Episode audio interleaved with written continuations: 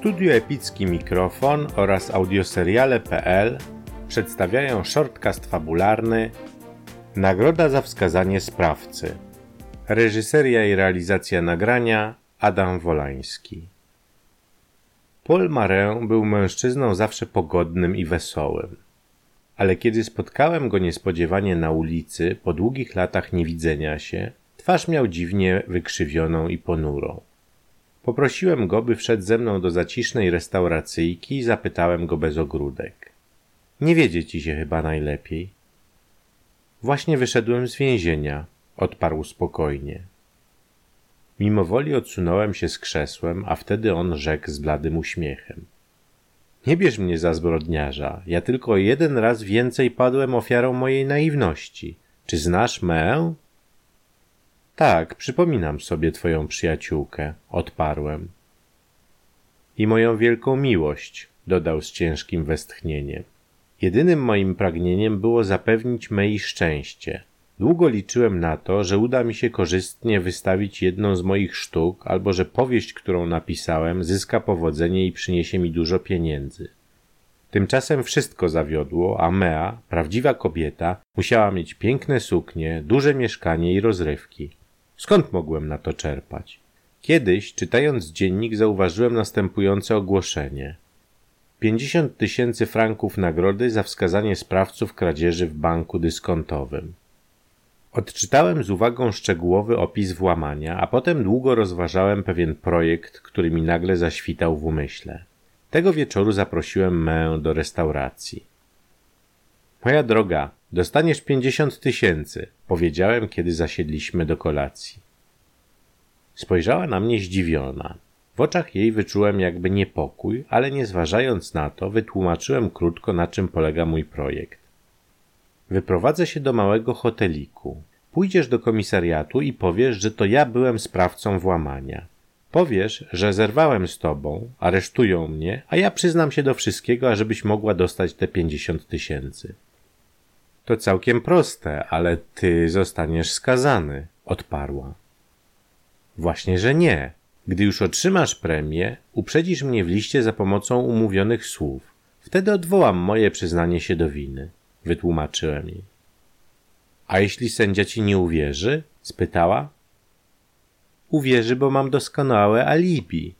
Wyobraź sobie, że właśnie w czasie, gdy włamanie zostało dokonane, przebywałem w willi mojego przyjaciela, Bernarda Brissaka.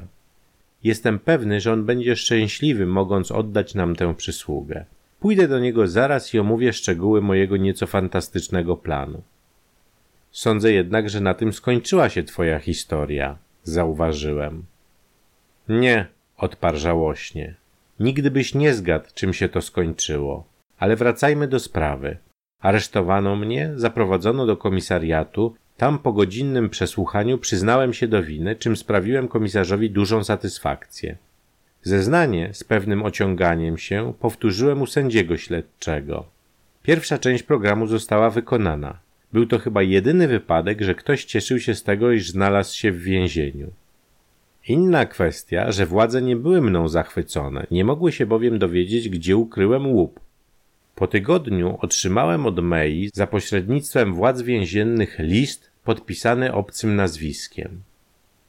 Powodzi mi się doskonale. Tak zaczynał się tekst listu. Było to umówione zdanie, z którego wynikało, że Mea otrzymała już nagrodę. Kiedy mnie znów wezwano na przesłuchanie, oświadczyłem sędziemu śledczemu bez ogródek.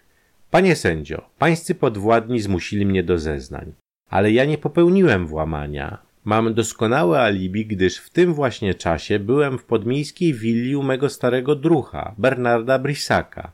Oto jego adres. Proszę wezwać go na świadka, a wszystko zostanie wyjaśnione. Żałuję, że sobie tego wcześniej nie przypomniałem. Było trochę poruszenia, ostatecznie znowu znalazłem się w celi. W trzy dni później sędzia wezwał mnie do swego gabinetu.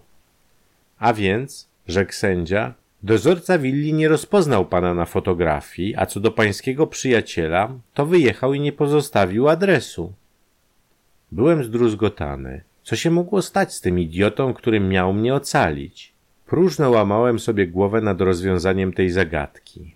Minęły trzy miesiące. Na kilka dni przed rozprawą mój adwokat powiedział: Doprawdy, nie wiem jak pana z tego wyciągnąć.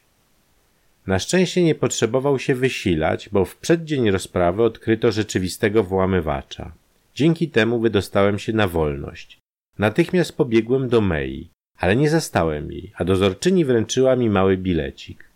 Jego treść brzmiała: Długo nad tym rozmyślałam, ale niestety nie mogę inaczej postąpić.